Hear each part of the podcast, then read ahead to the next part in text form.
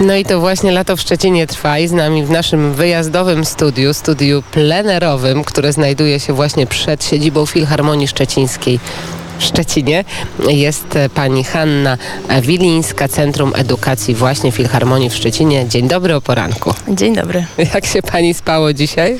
No krótko.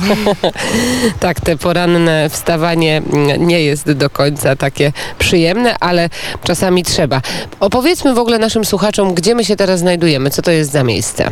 Znajdujemy się przy ulicy Małopolskiej 48, y, gdzie jest y, budynek, nasz lodowy pałac. Filharmonia imienia Mieczysława Karłowicza w Szczecinie. Y, jest to królestwo muzyki dla najmłodszych, dla dorosłych, dla seniorów, dla osób o utrudnionym dostępie, dostępie do kultury. Y, tutaj każdy znajdzie coś dla siebie.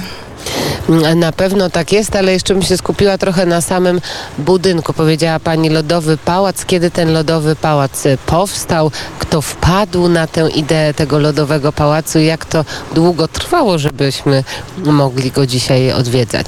No więc y, budynek został zaprojektowany przez y, studio z Barcelony, przez dwóch panów architektów, pana Barozzi i pana Weige. Mm, w 2014 roku powstał ten budynek.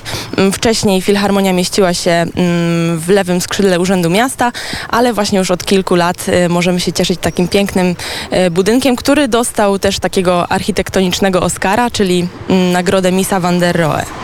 A co się znajdowało y, tutaj przed powstaniem tego lodowego pałacu i budynku Filharmonii Szczecińskiej?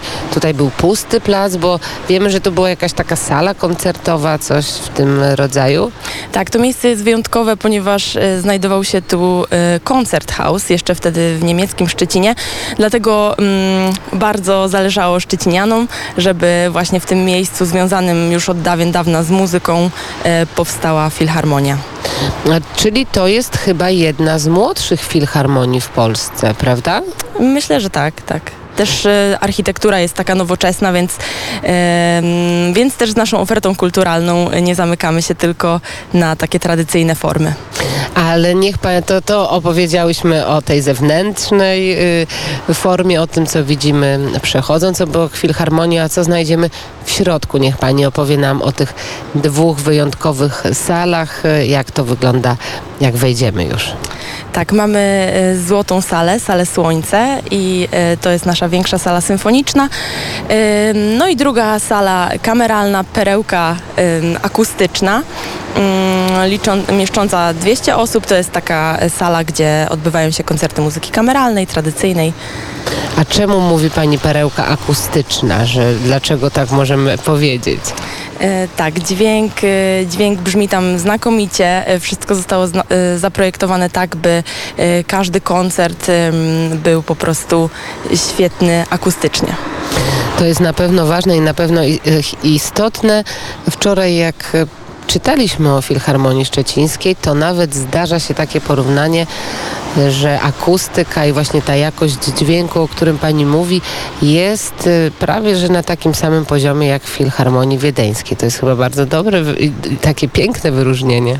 Tak, zgadza się. Tutaj naprawdę koncerty brzmią znakomicie, e, dlatego zapraszamy, bo to trzeba po prostu usłyszeć na żywo.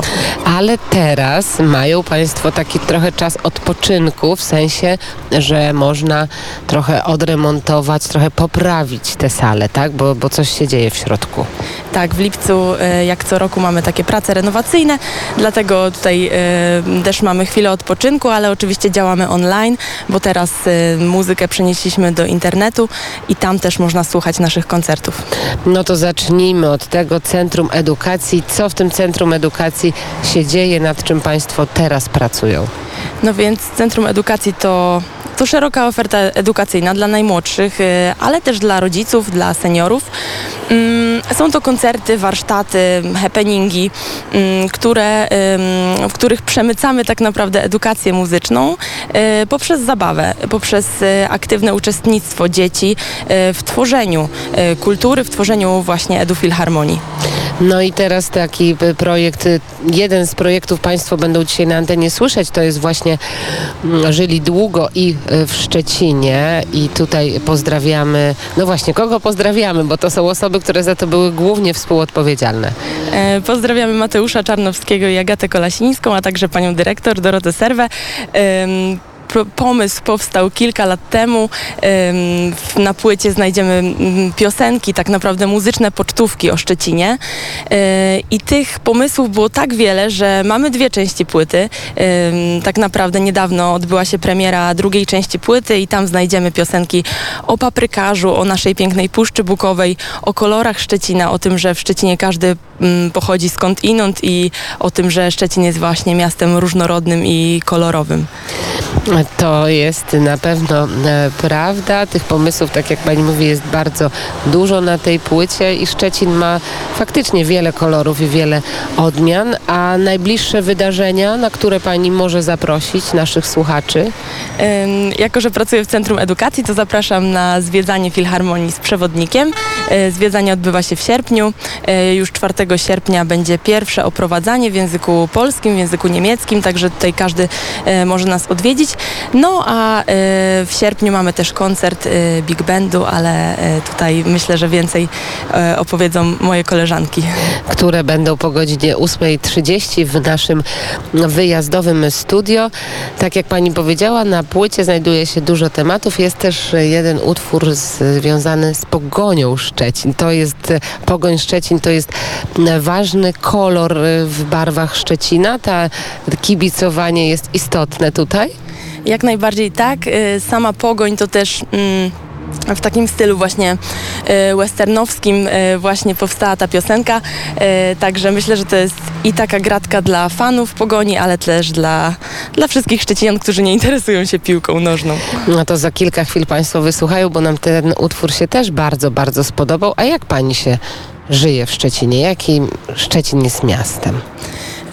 Jest piękny, jest trudny, ale, ale dobrze się tu żyje i wydaje mi się, że, mm, że ma potencjał.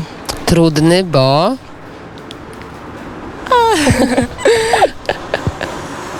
Nie, je- jest, jest bardzo tutaj ładnie, dobrze się żyje. y, Myślę, że, że tak.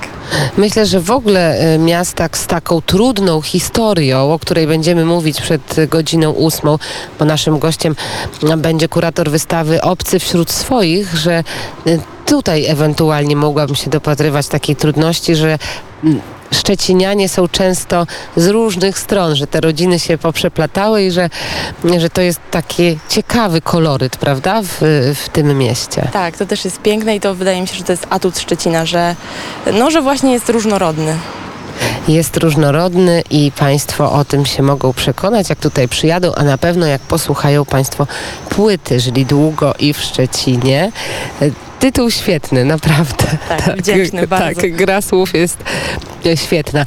Bardzo dziękuję. Hanna Wilińska, Centrum Edukacji Filharmonii Szczecińskiej imienia Mieczysława Karłowicza w Szczecinie była naszym gościem. Bardzo dziękuję za rozmowę. Dziękuję. No to słuchamy tej westernowskiej e, piosenki, utworu o pogoni i oczywiście orkiestra Filharmonii Szczecińskiej.